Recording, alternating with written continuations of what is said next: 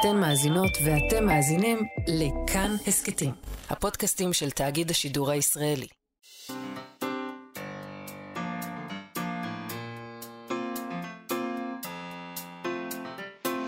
מה שכרוך עם יובל אביבי ומה יעשה לה.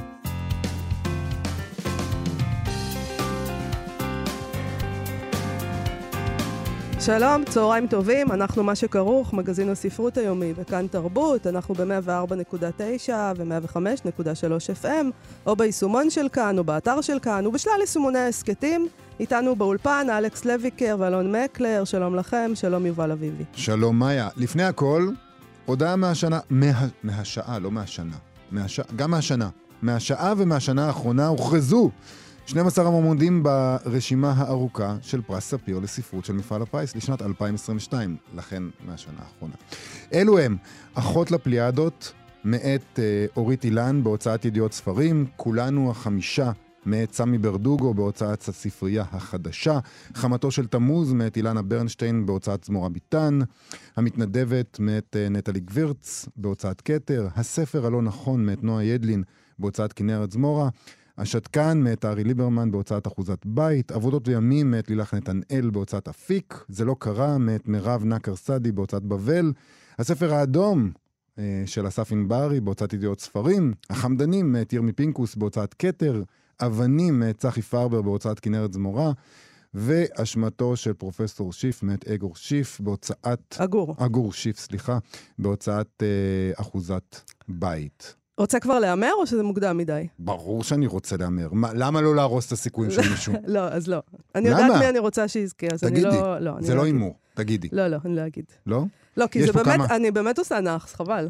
לא, אבל יש פה כמה ספרים יפים מאוד. נכון, אה, יש פה ספרים יפים. מותר ו... להגיד אילו, אילו ספרים יפים, או שזה גם עושה נאחס? אתה יכול להגיד מה שאתה רוצה, אני רק אמרתי, אתה לא, לא עושה נאחס, אני עושה. לי אין את הנאחס הזה. בדיוק, לך אין את הנאחס. אה, יש פה ספרים יפים, אני מאחל בהצלחה לכולם. אנחנו נדבר על הרשימה כן. הזאת אה, הרבה. כן, נדבר על הרשימה הזאת, תהיה גם רשימה קצרה כמובן, נכון. של חמישה כותרים. זה יצמצם לנו את זה, ואז נאמר. איפשהו בינואר אה, זוכים מישהו אפילו, ומקבלים המון כסף, מקבלים יותר כסף משנה שעברה. השנה הזוכה מקבל 180 אלף שקל במקום 150, אז זה כבר טוב. אתם שמעו את קריאתנו מאתמול, שאמרנו להגדיל את הפרסים פי עשרה. קודם כל, אני רוצה להגיד לך, יש פה 12 סופרים וספרים. וגם סופרות. נכון. לא תשעה. לא תשעה. לא על יד, לא בערך, לא לא מצאנו, לא, לא, לא יפים הנערים בעיניי. כל הנערים לא משחקים, הכל בסדר. משחקים לפנינו. כל הכבוד לפרס ספיר, שיש להם 12 כותרים, באמת, בראבו.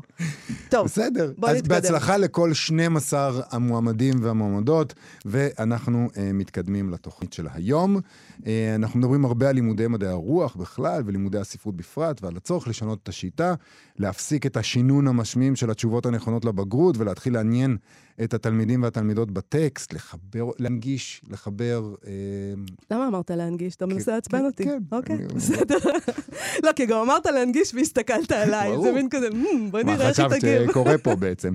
אה, כשדיברנו על העניינים האלה, גם הזכרנו כמובן את הרפורמה במערכת החינוך, שבמסגרתה יפסיקו להיבחן בבחינת בגרות אה, חיצונית במדעי הרוח, ויעברו להערכה פנים-בית ספרית. כלומר, אתה לא, זה כאילו, לא מה, מה שכל הזמן אמרו, אה, אה, בגלל שלומדים בשביל מבחן, לא לומדים באמת. נכון. אז הנה, לא ילמדו בשביל מבחן, ילמדו כדי ללמוד, נכון, ואז יהיה טוב. נכון. ובכן, לא. לא.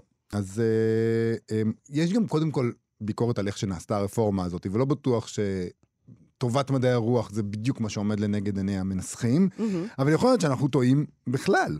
מחקר חדש בחן את ההשפעה של, אה, על תלמידות ותלמידים של שתי השיטות של הלימוד, האחת של הכנה לבגרות, והשנייה, הערכה פנים, אני רק להגיד את זה, יש לי חררה. לא, זה כזה, הם צריכים לעשות עבודה או משהו כזה. מי שנותן להם את הציון זה המורים שלהם, ולא בוחנים חיצוניים. כן. בכל מקרה, הם גילו שאין הבדל. הפתעה. הם לא רוצים אה, לקרוא בשני המקרים, הילדים. לא, לא מעניין אותם יותר. אולי זה נגמר, אולי תם העידן של קריאת ספרות פשוט. אז אנחנו נדבר על המחקר הזה עם דוקטור סיגל נאור פרלמן, ממייסדי ארגון דרך רוח לקידום מדעי הרוח בישראל, ונשאל אותה האם הגיע הזמן לוותר. לא, יכול להיות גם שאתה יודע, מפנים את הזרקור למקום הלא נכון, שזה לתלמידים, במקום למורים. אולי המורים לא מספיק טובים. יכול להיות. מעניין. גם המחקר הזה כולל כל מיני דברים שעשו בשם היצירתיות, האוזניים שלי קצת אה, הצטמררו, היה כן, לי קצת כן, אה, כן. כזה מין תחושה לא מסכימה. טובה לגבי הדברים שהם עשו שם, אה, כ- בשם ההנגשה, כן? של הספרות המתועבת הזאת, שצריך להנגיש אותה דרך כל מיני דברים. אז נדבר איתה גם על זה. אה, אבל לפני כן נדבר על הקול. הקול שעבד לסופר יונתן שגיב, וזה לא מטאפורה, אלא משהו שקרה לו אה, ממש. כשהוא ביקר בישראל, הוא גר אז בלונדון וביקר בישראל, ויום לפני שחזר הביתה ללונדון, עבד לו הכל, הוא לא הצליח לדבר, וכשהוא התחיל אה, לטפל בזה, הוא גילה שהדבר הזה שקורה לו פחות או יותר בגיל 40, קשור לדברים שעברו עליו אה, בגיל 12, לחוויות מכוננות של זהות, לדרך שבה הוא התבגר, ליחסים שלו עם ההורים, למיניות שלו. והתוצאה של הטיפול הזה, ושל המחקר הזה שהוא עשה על עצמו, יש אנשים שמדברים ככה, ממואר קצר ויפה וכואב, שיצא עכשיו בהוצאת כתר. וחשוב, חשוב, נדמה לי שכל מי שמתבגר עכשיו, או שהתבגר בעבר, יכול למצוא בו הרבה דברים אה, שהוא יזדהה איתם. כל מי שעובר שינוי עם עצמו, וגם מתבגרת. גם מתבגרת, ברור. אנחנו משתמשים בלשון זכר פשוט כי ימי הפו... לא, חשבתי דווקא שאתה אתה מאוד מקפיד על סופרים וסופרות וזה. לא, זה נגמר העניין הזה. הבנתי. לא אה, שמעת? נכון. די. יש- יש ממשלה חדשה. שיש ממשלה חדשה, אנחנו יכולים אוקיי. לזנוח את כל העמדת הפנים המטופשת הזאת, יפה, ולהיזכר שהמין. החזק אה, פה אני אחזור קובע את למקום הטון. שלי עכשיו, זה בסדר. בדיוק, כן. אה, 30 אחוז לוקחים לך, אה, לא שהיה לך אף פעם, אה, וזהו, עכשיו הכל חזר אה, למקום. בקיצור, יונתן שגיב הוא סופר וחוקר תרבות, מחבר סדרת ספרי הבלש החופרת, והוא אצלנו באולפן היום כדי לדבר על ספרו החדש. שלום, יונתן. שלום, צהריים טובים. שלום, שלום. בוא רגע נדבר תכלס. מה זאת אומרת עבד לך הכל? פשוט לא הצלחת לדבר? לפני שאנחנו נוגעים בספר, קצת ביוגרפיה של אוקיי. הדבר הזה. Um, טוב, אני חושב שמי שמכיר אותי, כלומר, יודע שאני גם מדבר בכמויות. Um, ובעצם מה שקרה, אני חושב שתמיד היה לי כל מיני בעיות בקול, שבאמת לא הייתי עד הסוף מודע אליהם, או לא חשבתי עליהם הרבה לפני שהמשבר הזה קרה, או לפני שאתם יודעים, תמיד כשאנחנו מאבדים משהו, רק אז אנחנו בעצם מתחילים לחשוב עליו. Uh, ופשוט כן, הביקורים בארץ, כל מי שאולי גר בחו"ל יודע, הם, הם מרתון בלתי פוסק של uh, דיבורים בעצם, כי אתה נפגש עם כל האנשים שלא ראית, וגם באותה תקופה לימדתי. בקיצור, באותה תקופה דיברתי יותר ממה שאפילו אני רגיל, ופשוט יום אחד למחרת קמתי והגרון שלי היה כמו מכרה פחם שקרס. כלומר, פשוט הבנתי שאף קול לא יכול לבקוע מתוכו, גם לא לחישה סדוקה אפילו. ואחרי באמת שלושה שבועות, חודש, שבהם הקול לאט לאט הלך והשתקם, אבל עדיין אני במצב שבו אני מדבר שניים, שלושה משפטים, אני מנהל שיחה של עשר דקות, והגרון שלי כבר מתחיל לבעור. אז הבנתי שזה משהו שאני חייב כבר ללכת לבדוק אותו, כי פשוט יכולת הדיבור לא, לא משתקמת עד הסוף. וככה בעצם התחלתי את המסע ב- בלונדון, זה היה לשיקום הקול עם מומחית קול. שבוא מדהימה. נעצור בה רגע, כן. אני חייבת אה, משהו שכאילו לא חשוב, אבל חשוב לי מאוד. אוקיי. קוראים לה רחב באמת? קור, קוראים לה רחב באמת, קוראים לה רהב עווד, כאילו אני כזה דיברתי איתה באנגלית, אז, אז ככה ב- ביטאתי את זה. אה, וכן, אבל היא אומרת רחב, רחב זה השם שלה. היא, אני משער, אומרת רחב. כלומר, אני כתבתי לה, היה לי כל כך חשוב להשתמש בה, כי היא באמת אה, אישה שבין הדברים, נדבר על זה אולי אחר כך, בין הדברים שהיא כן דיברה איתי או לא דיברה איתי, היא גרמה לי לכזאת מהפכה חשיבתית, תודעתית, רגשית, לגבי הקול שלנו, ואיך הוא מבטא אותנו, ו- ורושם את החיים שלנו, שהיה לי נורא נורא חשוב להשתמש בשם האמיתי שלה בממואר, ולא פתאום להמציא איזה שם, וכתבתי לה, והיא ענתה לי שכן, וזה היה רגע מאוד מרגש, וכן, השם שלה מופלא, כי זה רחב. מופלא, מופלא. אז כאילו, בפעם הראשונה שה... שנפגשנו, אמרתי, טוב, לא יודע, זה הגורל, השם הזה מהדהד בי. אז בוא נגיד, אז בוא נספר מה בעצם היא אמרה לך ש, שפוצץ את המוח, כי שממש מדהים. אה, אז, אז אני באתי אליה בעצם אה, אה, בלונדון, והיא עשתה לי כל, כל מיני בדיקות, וסיפרתי לה קצת על עצמי. ועל החיים שלי, ו- ומה שהיא אמרה, היא אמרה, אוקיי, מקור הבעיה שלך, או, או הרגע, בו, הגרעין ש- שנטמן, הוא בעצם בתקופת ההתבגרות המינית. כי היא התחילה להסביר לי על הקול, והיא אמרה, אתה יודע, כשאנחנו ילדים מאוד קטנים, בנים ובנות, יש להם באמת אותו קול. ורק בשלב ההתבגרות המינית אנחנו מתחילים לעבור שינויים פיזיולוגיים שמשפיעים גם על הקול, הגרוגרת, התיבת התהודה, מיתרי הקול. ואז בנים מקבלים לרוב אה, קול יותר עמוק. קול. בדיוק, קול. כן. ובנות אה, מדברות בקול יותר גבוה. והיא אמרה לי במילים אלו שמין, אבל אתה סירבת לדבר כמו גבר. אתה סירבת לשינוי הזה, וכתוצאה מכך אתה מדבר באופן ששוחק את מיתרי הקול שלך. ואולי זה עבד לך כמה שנים, אבל עכשיו כבר לא, והיא, והיא נתנה לי דימוי יפהפה שאני משתמש בו בספר, היא אמרה, אתה כמו בלרינה שמתעקשת ללכת על קצות האצבעות שלה כל הזמן, ואם תמשיך ללכת ככה, הם יישברו. אמ, וזה נורא הלם בי, ההסבר הזה, מכל מיני סיבות. אחד, אפילו עוד לפני שאני מגיע למגדר ולמיניות, זה, זה כן נורא השתלב בי, כי אני בן אדם שקשה לו עם שינויים, בן אדם שקשה לו עם מעברים, היה משהו נורא הגיוני שאני אאחז במה שהיה.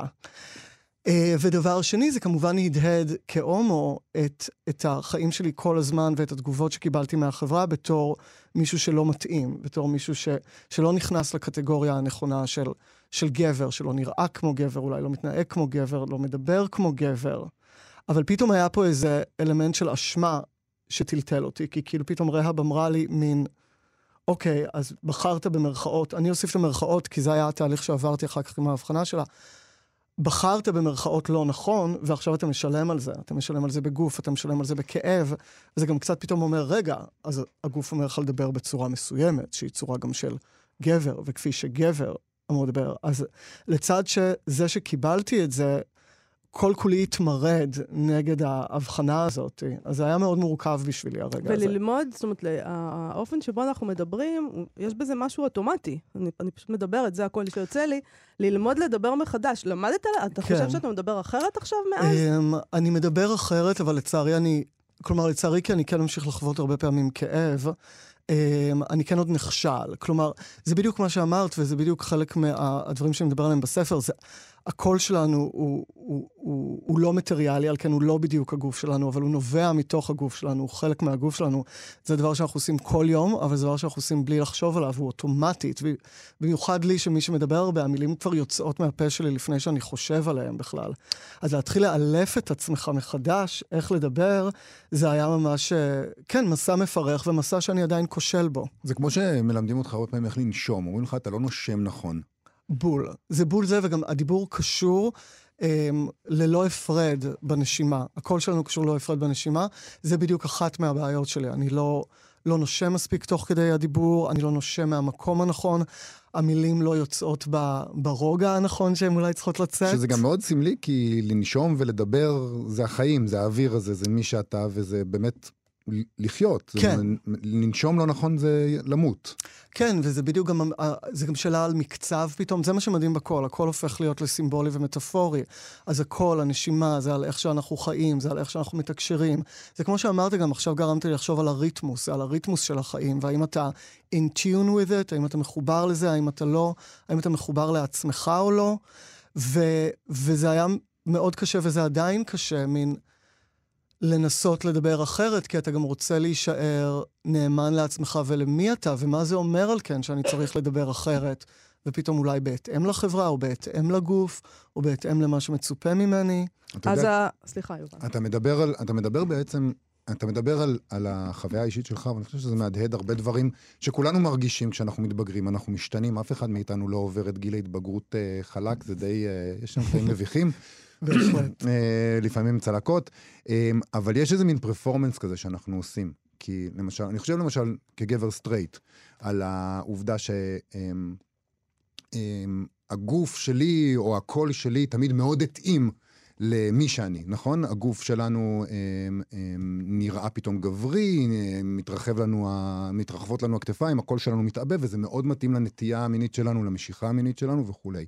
אבל מצד שני, לא כל הפרפורמנס הגברי מתאים לנו, לא כולנו רוצים ללכת לפי הקוד הזה של אה, ללכת אה, אולי לקרבי, או ללכת אה, עם ג'יפ למדבר ולהיות... אה, חלקנו רוצים פופ, וחלקנו רוצים אה, דברים שנחשבים לנשיים, ואני עושה את זה במרכאות כפולות.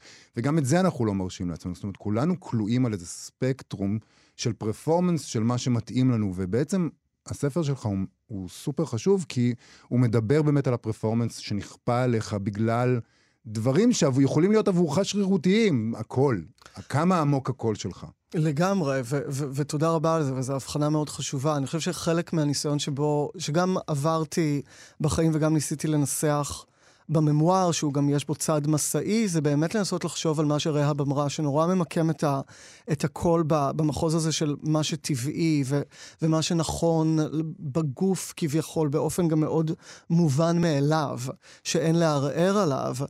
ו- ו- ואני באתי ממקום, אתה יודע, באמת גם כהומו שנלחם על, על הזהות שלו, ושנלחם בדיוק על זה שתמיד אמרו לו, זה לא טבעי, זה לא נכון, אתה יודע, והתחנך גם באקדמיה, וגדל בעצם על, על תיאוריות של הבניה חברתית והבניה תרבותית, ובואו נדבר על זה שגבר ואישה זה לאו דווקא דבר טבעי, אלא זה בדיוק כמו שאמרת, זה פרפורמנס, זה פרפורמנס שאנחנו לומדים מהחברה, מטמיעים אותו, והופך לנו לטבע שני לא מודע, שאחר כך אנחנו חושבים עליו, אה, נכון, זה לחלוטין טבעי. ואני חושב שזה מה שניסיתי, זה המסע שעברתי, והמסע, אני חושב, התהליך שקורה בממואר, זה, זה לנסות להבין שגם הכל, למרות שהוא כביכול, מה שאמרנו, טבעי ואוטומטי ונובע מהגוף, גם הוא בסופו של דבר פרפורמנס בו בזמן, גם הוא מבנה חברתי. כלומר, החברה מגיבה אליך תוך שנייה, אם אתה מדבר לא נכון. אתה, אתה, אני, בוא נשתמש בגוף ראשון, כי זה מה שאני עברתי, אבל כמקרה מבחן לקול האנושי בכללותו, אני מיד חטפתי.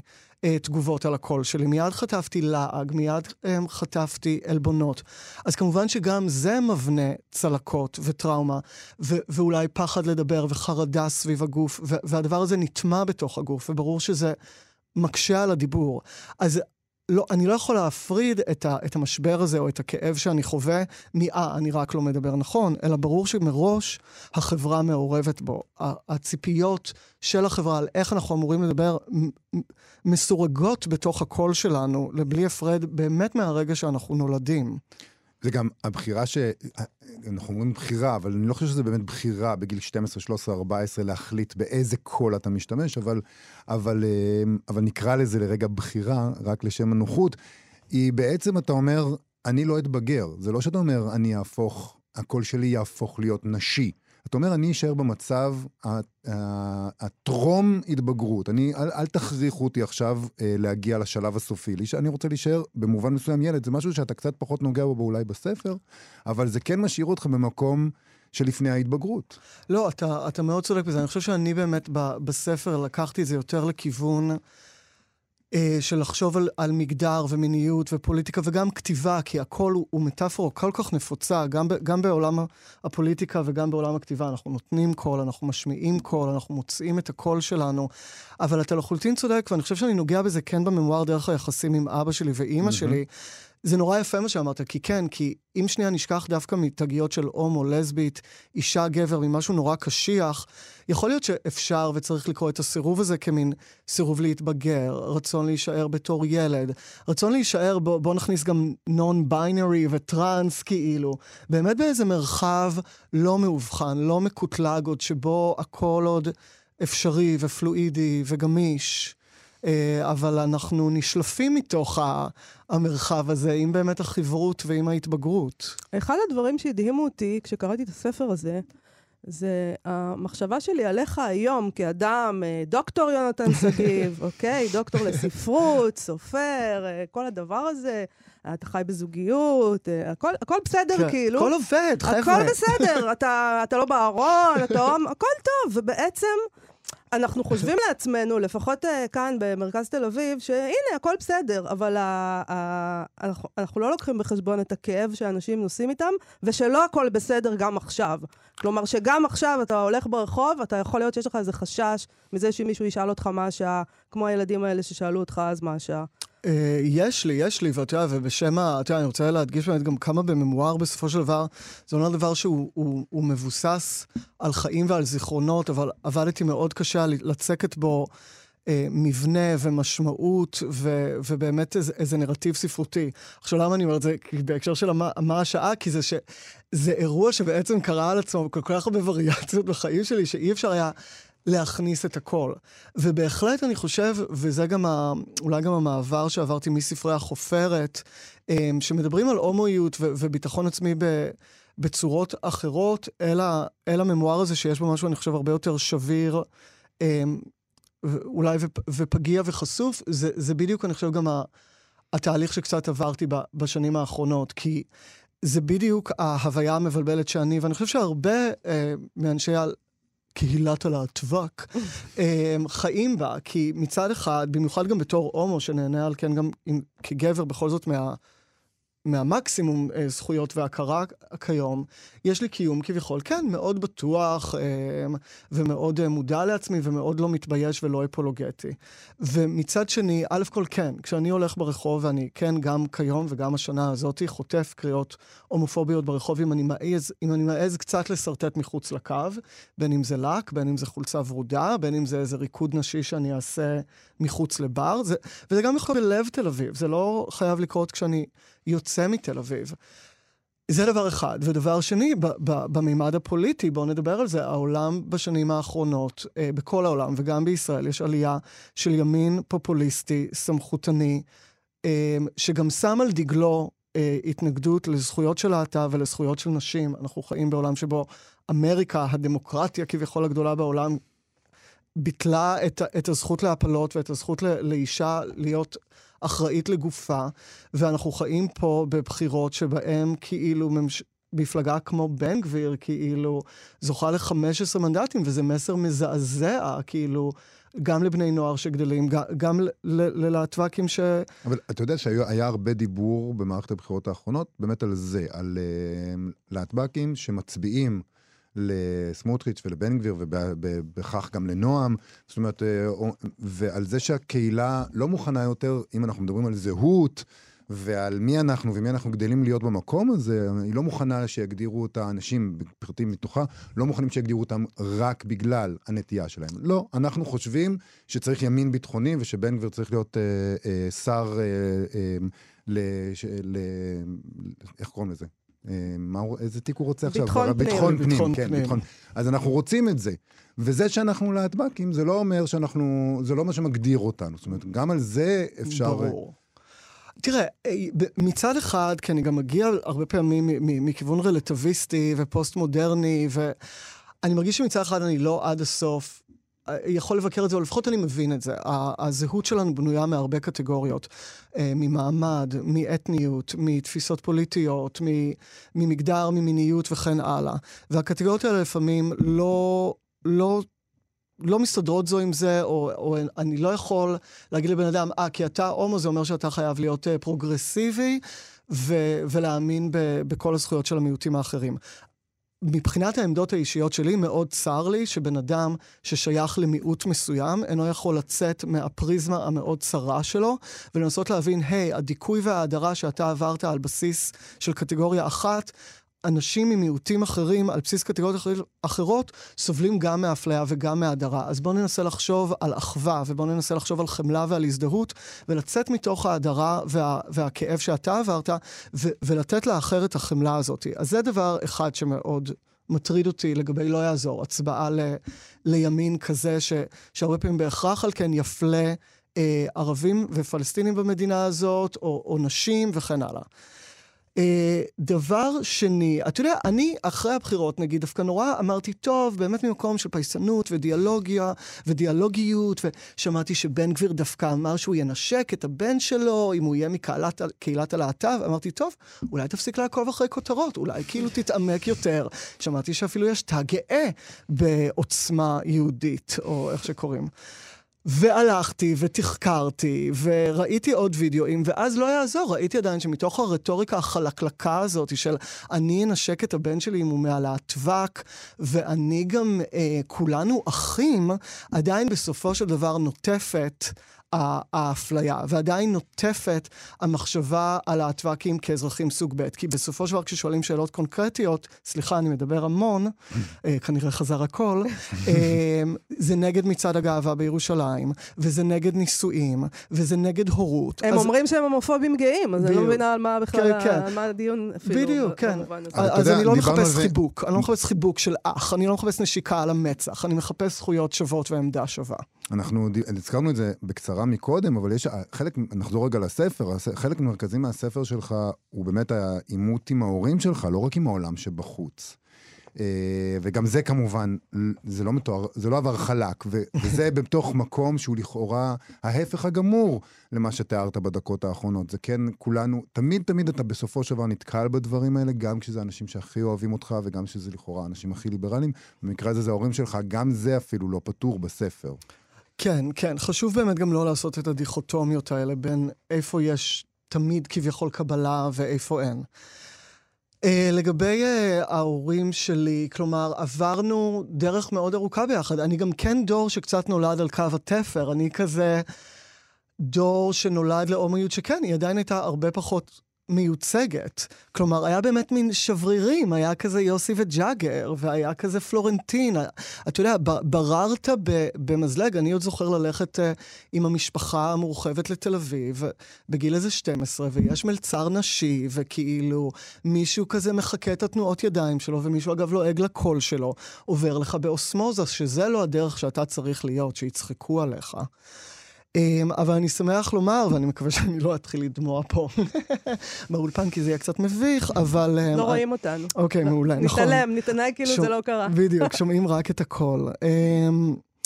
חלק מהממואר, חלק מהתהליך הזה של לחשוב על הכל, על איך הוא נוצר, איך הוא התכונן, איך הוא נשבר ואיך הוא שוקם, היה לחזור לזיכרונות כואבים. והיה לחזור לרגעים שבהם לא שמעו אותי, או, או רצו שהקול שלי ישתנה. וזה אכן היה ככה בהתחלה עם ההורים שלי סביב הנושא הזה, אני חושב, אבל הם עברנו ביחד דרך נורא נורא ארוכה, והם השראה נורא גדולה בשבילי, והוכחה לאיך... אנשים יכולים להשתנות, ואיך אתה יכול כאילו לנהל דיאלוג עם כל האי-קבלה בהתחלה, או עם כל הכאב, ו... ולצאת מזה מאוד שלמים, ואימא שלי התקשרה אליי, כאילו, אחרי שבדחילו ורחימו וברגשות אשמה ובפחד, כי אנחנו במקום כזה טוב, ונתתי לה את הספר, ופחדתי נורא לפגוע בהם ולפגוע בה, כי אנחנו באמת במקום נורא טוב, והיא ורביד, הבן זוג שלי, נורא אוהבים אחד את השני. אני מסתתר, אני מברבר. בקיצור, היא התקשרה אליי שהיא מאוד אוהבת את הספר, והיא דיברה על איך הספר הזה הוא, הוא מבחינתה כאילו אמת נורא גדולה. וזו היה שיחה נורא משמעותית, ש... ואני מאוד מודה על הזכות הזאת, בקיצור. הכתיבה של הספר, ואולי אפילו יותר מזה, הפרסום שלו, אמ, איך הם השפיעו? מעניין אותי. כי זה, זה דבר. עשית כאן uh, מעשה מאוד מאוד אמיץ, באמת, ויוצא דופן. אין הרבה... אני, אני קראתי את הספר הזה, התרגשתי. וואו. ממש. גם, גם אני דמעתי, בסוף בטח. יואו. זה, וואו, עם אבא שלך. טוב, לא נגלה להם. אבל זה השפיע, זה, זה שינה משהו? Uh, מה? בשבילך? אה, מאיזו בחינה? עליי כ... כ... אה, אני אנסה, אני פשוט מרגיש שאני מדבר כל כך הרבה, ואני באת, לא... אתה באת, אנחנו הזמנו אותך okay. אוקיי. לפה כדי שאתה תדבר. uh, התהליך של כתיבת הספר היה א', מאוד שונה מהכתבים, מה, מלכתוב את החופרת. החופרת, כאילו... בוא נגיד למי שלא קרא, זה בלש, אה, בלש הומו. כן. שזה הבלש ההומו העברי הראשון. כן. אה, ופטפטן ו- ו- וקולני ורכלן. ו- נכון. זה נורא מצחיק, אז כי הספר הזה בעצם, והמשבר עם קול גרם לי לחשוב לאחור, שבעצם כמה גם החופרת עוסקת בקול, וכמה בעצם כל השמות של הספרים הם על דיבור גם. אבל זה היה דבר שהוא היה בשבילי, אגב, לחלוטין לא מודע. בקיצור, כשהתחלתי לכתוב את הספר הזה, התחלתי לכתוב אותו איפשהו בתור מסע תיאורטית, עוד גם כאילו נורא שמרתי על ריחוק מהמקום האישי, פשוט, אה, אה, כאילו אני באמת מגיע מהאקדמיה, ואמרתי, אוקיי, קורה הדבר הזה, הדרך שלי להבין דבר כזה זה, זה לקרוא ולכתוב, כאילו. וכתבתי, קראתי הרבה על כתבים פסיכואנליטיים ופילוסופיים וספרותיים על הכל. וכשכתבתי אותו, פשוט ניסיתי לכתוב אותו לעצמי, כי באמת הוא היה כל כך אישי וכל כך אינטימי. כשהוא עבר שלב, לשלב הממוארי, אמרתי, אני הולך, כאילו, dance like nobody's watching, אני הולך באמת לכתוב עד הסוף, כאילו, אף אחד לא הולך לקרוא את זה. ו- ו- ו- והדבר היחידי שמנחה אותי זה כאילו כנות מוחלטת, ו- ואיפשהו שאיפה לצלילות מוחלטת, לזקק את הדבר הזה. אז א', אני חושב שזה מאוד השפיע עליי מבחינת כתיבה, כאילו, זו הייתה כתיבה מסוג מאוד אחר. אה, נטליה גינצבורג אהובתי רכפה מעליי, אה, אליזבת סטראוט, אה, כאילו עוד, עוד ממוריסטיות שקראתי, ו... אז מהבחינה הזאת זה מאוד השפיע עליי בכתיבה.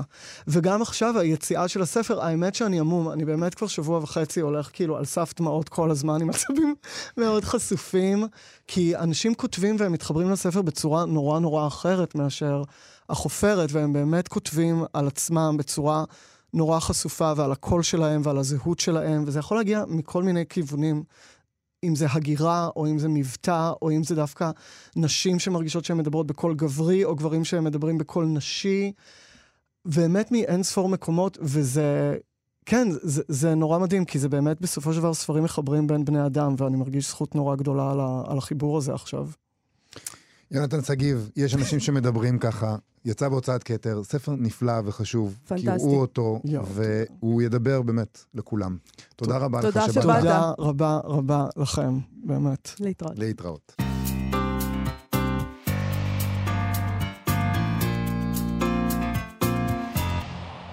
מה שכרוך בכאן תרבות, חזרנו. טוויסט מעניין בעלילת לימודי הספרות. מחקר שהתפרסם לאחרונה השווה בין שתי כיתות י'. האחת למדה לקראת מבחן הבגרות החיצוני הרגיל, והשנייה למדה לקראת חלופה לבגרות בהערכה פנים-בית ספרית. בטח אם יום אחד ימצאו לזה איזה שם יותר מעניין. לכאורה השיטה השנייה מתאימה יותר למה שחלק מהאנשים רוצים שיקרה לתלמידים ולתלמידות, הם יתחברו ליצירות, הם יקראו קריאה ביקורתית ויצירתית, הם יבינו את הערך של הספרים, הם יהפכו למבוגרים קוראים, הם לא ילמדו בשביל המבחנים.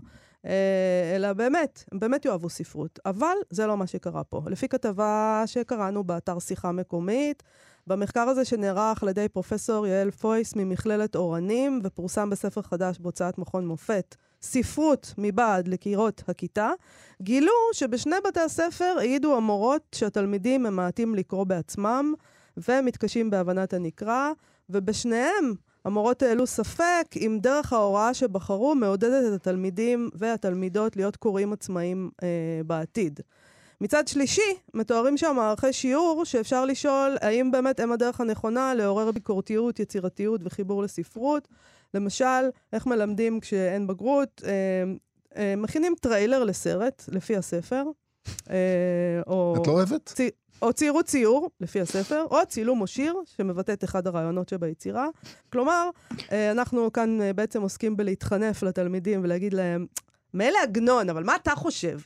אה, לא, זה גם, להיות... זה גם, עזבו ספרות, אתם יכולים להפוך את זה לסרט, או לסדרה בנטפליקס. נכון. תעשו מיליונים, זה כסף על הרצפה. אולי פשוט אה, אין לנו מושג יותר איך ללמד ספרות. אה, כולם כל הזמן מדברים על הבעיות של התלמידים, אף אחד לא קורא, והם לא מבינים, והבנת הנקרא, וזה, אף אחד לא מדבר על המורים. אולי הבעיה היא שהמורים, אני מציע, שהמורים לא מספיק טובים, שהמורים לא קוראים בעצמם, שהמורים לא מתעניינים באמת בספרות, ושאין להם תשוקה להעביר הלאה.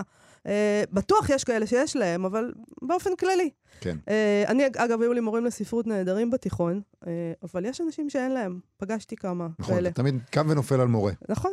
כדי לבחון את המחקר הזה ולחשוב על כל הדבר הזה, ביקשנו מדוקטור סיגל נאור פרלמן, מייסדת ארגון דרך רוח לקידום מדעי הרוח בישראל, לבוא לדבר איתנו. היא גם משוררת, היא גם מבקרת, יש לה תשוקה לספרות. שלום סיגל נאור פרלמן. שלום, מאיה ויובל. אמרתם כבר כמעט הכל לדעתי. חס לא, לא, לא, לא, וחלילה, לא. עוד לא. התחלנו. אל תגידי את זה, כי רציתי להגיד לך, הצילו, כאילו, סיגל, הכל אבוד, מה עושים? הצילו אותי, הצילו אותי. מה דעתך על המחקר הזה שבעצם אומר, לא משנה איך תלמדי ספרות, בכל מקרה, התלמידים, זה לא יעניין אותם, הם לא יבינו כלום, הם לא... עזבי, זה... די, נגמר, הם לא רוצים. אז אני אתחיל אולי מאיזה, משתי אמירות. האמירה הראשונה היא שמאוד מפליא אותי שהמכללות אה, חוקרות מה, מה קורה מבעד לקירות הכיתה, אבל לא מציעות שום אה, הצעות אופציונליות. זאת אומרת, מה שאני רואה שקורה במכללות, בעיקר כי שם הרי מתרחשת אה, ההכשרה, נקרא לה, של המורים למדעי הרוח, לספרות, מה שהם בעיקר עושים, הם נענים לדרישות השטח. נניח אם השטח החליט שיש השנה סיפור ממוקד שמלמדים, אז המכללות נענות, וזה מה שמלמדים את המורות לעשות, איך מלמדים סיפור ממוקד, אה, איך מבצעים מערכה חלופית וכולי. אבל הרעיונות היצירתיים לא מגיעים מכיוון המכללות, אלא בעצם המכללות מיישרות קו עם משרד החינוך, אה, ועם, נקרא לזה ככה, שטח, מה שבתי הספר מסוגלים או לא מסוגלים לעשות. אז זה הדבר הראשון שאני רואה, שום בשורה לא יוצאת מהמכללות אה, למורים. הדבר השני שאפשר לראות הוא שבאמת, אני מאוד מסכימה איתך, מאיה, שהמורות כנראה היום אינן מספיק מוכשרות להוראת הספרות. זה משהו שקרה גם אה, משום שצומצמה מאוד תוכנית הלימודים, המורות עצמן קוראות פחות ופחות. צריך להודות על האמת, אנחנו קוראים פחות ופחות, העולם קצת השתנה. ומה שקורה, כיוון שהמורות יודעות פחות ופחות, קוראות פחות ופחות, מה עושים? לוקחים את הילדים ומפגירים אותם. כן. אה, מחלקים אותם לקבוצות של בינוניים חלשים וחזקים, אה, מנסים, אה, מתחנפים אליהם בכל מיני צורות, ורוב הזמן בעצם מטפלים בהם כמו חוסים במוסדות פסיכיאטריים. ואני רוצה להגיד גם שיכול להיות שאין סיכוי לכל העסק הזה, בגלל שאי אפשר ללמד תשוקה בעצם. זאת אומרת, את לא יכולה לקחת מורה שאין לו שום תשוקה, והוא פשוט בא לעשות את העבודה שלו וללכת הביתה. ולהחדיר בו תשוקה לדבר, שזה מה שצריך בשביל ללמד ספרות בעצם. נכון, אה, זה נכון שאין, אני כמעט ולא מזהה היום באמת תשוקה, אני חושבת שגם הורגים את התשוקה מכל הכיוונים. כלומר, המוסדות הורגים את התשוקה, המוסדות מבקשים מהמורים למפות את התלמידים שוב ושוב, ואז כשהמורה נכנסת לכיתה, מה נשאר לה כבר? לנסות דרכי הערכה, שזה סוג של גיוון, שהוא לא בהכרח קשור לטקסטים עצמם. הנה למשל, במחקר הזה, אני רואה שהנושאים שנבחרו מלכתחילה אה, לתלמידים, למשל, יש נושא מרכז שנקרא זהות היחיד, אחר כך נושא בי"א שנקרא זוגיות ואהבה, ובי"ב מתמקדים בחברה. Mm. מה, מה, מה הספרות ולנושאים האלה בכלל? מה זה קשור לספרות, בדיוק. מה זה קשור לספרות? כלומר, האם באמת אפשר לארגן יצירות ספרות סביב אה, נושאים? מי אמר שלמשל בסיפור של עגנון, שמלמדים אותו בנושא הכללי חברה, מדברים דווקא על החברה? או מי אמר ש... תחת הנושא זוגיות ואהבה, באמת מדובר רק בזוגיות ואהבה. כלומר, הניסיון להכניס את יצירות הספרות, לדחוב אותן לתוך מגירות נושא, הוא אה, הבעיה הראשונה. כן, הבעיה... עושים סוציולוגיה מהכל, זה, כי, כי, כי לא ספרות, כי זה לא ספרות. זה כל בדיוק. מיני דברים, אבל אין בזה ספרות. אולי הם ממש... בעצמם לא מבינים מה זה ספרות. בדיוק זה. כלומר, הם לא מבינים מה זה, מה זה ספרות, מה זה הדבר הזה שנקרא הספרותיות של הטקסט. כן. איך אפשר ללמוד למשל על ניסיון חד פעמי של אדם אה, שעומד מול משהו. אה, כל הרגישויות האנושיות די נדחקות פה כשאני רואה למשל שהמורה הילה במחקר הזה, שזה שם בדוי, mm-hmm. שמציעה בכיתה הפתוחה של הערכה החלופית, ששם הם לומדים בלי בחינות, מציעה שני נושאים לתלמידים. נושא אחד זה התמודדות המספרת עם התעללות הילדה הצעירה, עם התעללות בילדה הצעירה, והנושא השני הוא הצורך של החברה בשעיר לעזאזל והתעללות בו. ראשית, אני לא מבינה מה ההבדל בין שני הנושאים. שנית, מה קורה עם הדבר הזה של התמודדות? כלומר, מה, הפכנו למטפלים ולעובדות סוציאליות? כלומר, זה, אלה באמת הנושאים שאנחנו אה, צריכים, זה נשמע כמו שיעור חינוך, זה לא כן. נשמע כמו שיעור ספרות. עכשיו, ההנחות האלה של מי שמתבוננת בכיתות, בכלל לא אה, נבדקות באופן ביקורתי, כלומר אין התבוננות ביקורתית מלכתחילה על השאלות האלה, אלא אך ורק על האופן שבו נעשה הדבר בכיתה. האם המורה מדברת או האם התלמידים מדברים? אין שום דיון אמיתי על הדבר הזה שנקרא באמת ספרות. זה נשמע אבל ספרות? כאילו יש גם לא רק בעיה עם איך שמלמדים ספרות ואיך שעושים את זה בבתי ספר, יש גם בעיה עם איך שחוקרים את לימודי הספרות. כי הכותרת של המחקר הזה היא מפוצצת, אין הבדל. אין הבדל אה, בין הלימוד הביקורתי-יצירתי מושלם שאתם מפנטזים עליו, לבין אה, שינון אה, תשובות לבגרות, כשבעצם אלה לא בכלל החלופות שהמחקר הזה בדק. נכון. המחקר אה, בדק שתי חלופות לא טובות. אני, אני מסכימה, ו, והחלופות האלה נראות כאילו הן חלופות מנוגדות. להפך, אני ראיתי דברים מאוד יפים דווקא בשיעור של המורה שלימדה באופן קונבנציונלי. אבל אפשר היה לראות דרך האופן שבו המתבוננת מתבוננת בין שני השיעורים, כלומר החוקרת, איך היא אה, שופטת מאוד את המורה שמלמדת באופן קונבנציונלי, והיא יכולה להגיד משפט לגבי המורה שמלמדת באופן לא קונבנציונלי, כמו, נראה שהתשובה הנכונה חשובה לה פחות, כאילו יש מלכתחילה תשובה נכונה. כלומר, ההנחות היסוד של החוקרת כבר ב, ב, במחקר הזה, הן הנחות מאוד מאוד בעייתיות. אני לא באמת רואה, אני, אני בעיקר רואה היסטריה. גם במחקר הזה אני רואה חיפוש דרך. אני באמת, אני, אני גם יכולה להבין את ה... אני גם יכולה להבין את חיפוש הדרך הזה. זה באמת נכון שאנשים קוראים פחות היום, לא רק... גם אנשים שהם מיטיבי לכת בקריאה קוראים פחות. אני רוצה לשאול אותך, סיגל, אבל כדי לא להתייאש לגמרי, את בכל זאת, בארגון שאת ייסדת דרך רוח, את מלמדת, את מלמדת תלמידים, הם באים באופן וולונטרי. אתם מלמדים, הם. לומדים ספרות, הם, בא, הם באים מרצונם, זה מדהים. אה, אז אתם כן מצאתם איזה דרך לעשות את זה אחרת, אז איך צריך לעשות את זה בעצם? אנחנו כל הזמן חושבים וכל הזמן משנים. למשל, השנה, כל כיתות י' החדשות נפתחו ככיתה אחת, אצלנו מלמדים ספרות ופילוסופיה. יש בכיתה, בכיתה שני מורים, אחד לספרות ואחת לפילוסופיה, והמורים ביחד מנהלים דיאלוג עם התלמידים סביב טקסט אחד, וקוראים אותו מנקודת מבט ספרותית, מנקודת מבט פילוסופית. המורים מתווכחים בעצמם מול התלמידים ולא נשארים כל הזמן במין עמדה ניטרלית כזאת של תחשבו בעצמכם, אלא גם הם חלק מה, מהמפגש. התלמידים כותבים כתיבה עיונית, למשל לוקחים שני טקסטים, ומשווים ביניהם, מוצאים נושא משותף ומנסחים איזושהי טענה, כותבים כל שיעור, כל שיעור אצלנו הוא שיעור שהוא גם שיעור של כתיבה, ואחר כך מקבלים אה, תגובה מנוסחת היטב מהמורים, או בעל פה או בכתב. כלומר, כל הדבר הזה, כל חיפוש הדרך שלנו הוא באמת חיפוש דרך שלא מתחמק ולא עוקף את הדבר הזה, שבשיעור צריך לקרוא לכתוב ולדון. לא, זה נשמע מהלך כמעט, אה, אני מצטער על המילה הגסה, שמרני מצידכם. אתם כאילו אומרים... בא לי לבוא. כן. ללמוד. איך מוצאים מורים שיש להם תשוקה? אז קודם כל, כשאנחנו נפגשים עם, באמת עם, אה, עם המורים שלנו, אנחנו קודם כל בודקים באמת, או מנסים לברר איתם מה, מה העניין שלהם בתחומי הדעת שמהם הם מגיעים. ולכל אחד יש תחומי עניין אחרים, אחד תחום העניין של ההוא רטוריקה, ואחר תחום העניין של ההוא דווקא תיאטרון.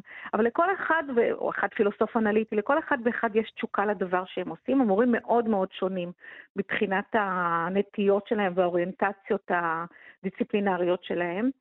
אה, אבל אנחנו גם בודקים אנשים שמצליחים למשל אה, להבין חוש הומור, או בכלל שיש להם חוש הומור, אם הם אנשים שהם, שהם אקטיביים, שמסוגלים לראות את, ה, את התלמידים ויחד איתם לנסח איזשהו מהלך. אין שום מהלך שאנחנו מכילים אותו כגיגית, כופים אותו הר כגיגית על התלמידים, אלא כל שיעור בפני עצמו הוא נבנה מתוך השיעור בעצמו, כלומר מתוך מה שהילדים אומרים, מגיבים, חושבים. אנחנו ועוד איך מתייחסים למושגים ספרותיים, ועוד איך מתייחסים למושגים פילוסופיים. אז בואי נשאל הילדים... אותך, אה, שאלתי איך מוצאים מורים, איך מוצאים תלמידים? איך זה שבאים אלייך תלמידים בכלל? הרי אנחנו כל הזמן משמיצים אותם, זה לא מעניין אותם, הם לא רוצים לקרוא וכל מיני כאלה. אז מי הם, אני, מי הם התלמידים האלה שלך? יש לנו בערך 600 תלמידי תיכון ויסודי. Mm. אנחנו מגיעים לבתי הספר שלהם, אנחנו אומרים שאצלנו קוראים וכותבים. הילדים מבינים את ה... הם מאוד רוצים לקרוא ולכתוב, אבל מה לעשות שבשיעורים לא מבקשים מהם לקרוא ולכתוב. וגם לא מאפשרים להם באמת לדבר. כל הדבר הזה של, של לדבר, של לשוחח, הוא לא באמת מתרחש אה, בין כותלי הכיתה. אה, גם לא, אגב, גם לא במחקר הזה לא ראיתי שהתרחש איזה דיון מסעיר. לא, ב, ב, לא אצל המורה הקונבנציונלית ולא אצל המורה של עמדה אחרת. ואנחנו פונים לתלמידים ואנחנו מדברים והם מגיעים, והדבר שהילדים ממש מייחלים לו זה שהמורה או שהמורה יוציאו את המקראה מתוך התיקים שלהם ויתחילו לקרוא ביחד. ככל שעוברות השנים, אני יותר ויותר מסכימה עם סמך יזהר. במאמר שלו אה, לא צריך ללמד ספרות או לא ללמד ספרות, שצריך לקרוא איתם. אנחנו קוראים איתם הרבה מאוד טקסטים, ממש מההתחלה ועד הסוף. לפעמים אפילו מוותרים על דיון רק לטובת הקריאה, ויש רגעים שפתאום הילדים, נגיד כשקוראים איזשהו טקסט של עגנון או טקסט אחר, פתאום הם מצחקקים להם, או פתאום... אה, אה, או ילד פתאום מזיל דמעה בטקסט של סלינג'ר, כשאנחנו קוראים את אה, יום מושלם לדגי בננה, או, כן. או סמיון של פלטונוב, ו, ואנחנו רואים איך, איך, איך ה... אז אנחנו לא נדע אולי מה בדיוק עובר עליהם, אבל אנחנו יודעים שהם מפתחים איזושהי רגישות, ל, רגישות לטקסט. ילדים רוצים, הילדים הם בסדר גמור, זה ש... בתי הספר לא יכולים להתמודד עם הילדים, וקבעו שכולם לקויי למידה היום, כלומר 50% מהם לקויי למידה, בזמן שבאמת במציאות יש בין חמישה לעשרה מהאוכלוסייה שהיא לקוית למידה באופנים שונים, כן? אה, זה משום, ש... זה משום שהמורים מעדיפים לטפל רגשית בילדים. נניח אם ילד אה, מעלה את נושא המוות בכיתה, בבית ספר מיד ישלחו אליו גדוד של יועצות. נכון. שיטפלו בו ויקפטו אותו באיזה כתונת משוגעים כזאת, ומיד ישלחו אותו לטיפול. לעומת זאת, אצלנו אנחנו מנסים לברר את המושגים האלה אינטלקטואלית, להביא איזשהו טקסט.